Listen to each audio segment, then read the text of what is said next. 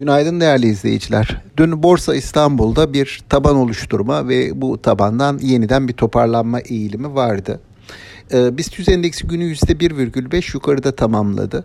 Hani e, alt sektörlere baktığımız zaman özellikle enerji hisselerinde, petrokimya hisselerinde, demir çelik hisselerinde e, BIST 30'u oluşturan pek çok hissede e, bir toparlanma çabası e, yukarı yönlü bir eğilim gördük. Bankalar tarafında da yine benzer bir toparlanma çabası vardı. Ama e, bankacılık sektör endeksi tabii bazı hisselerde daha satış baskısı devam ettiği için nispeten daha zayıf bir görünüm arz etti.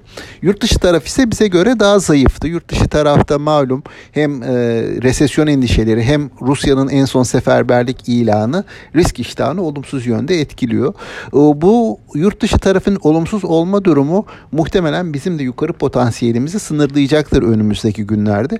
Ancak borsa hani dünkü e, beklenti paralelinde gelen Merkez Bankası faiz kararının da ardından e, bu ay e, yeni yani yatırımcılar açısından yeniden bir değerlendirilmesi gereken bir getiri alternatifi sunuyor.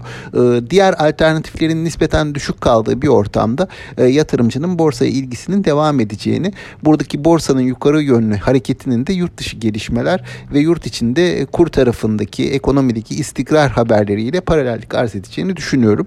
Ben bugün de hafif yukarı doğru eğilimin korunmaya çalışılacağını tahmin ediyorum. Aktaracaklarım bunlar. Sağlıklı, bol ve bereketli kazançlı günler dilerim.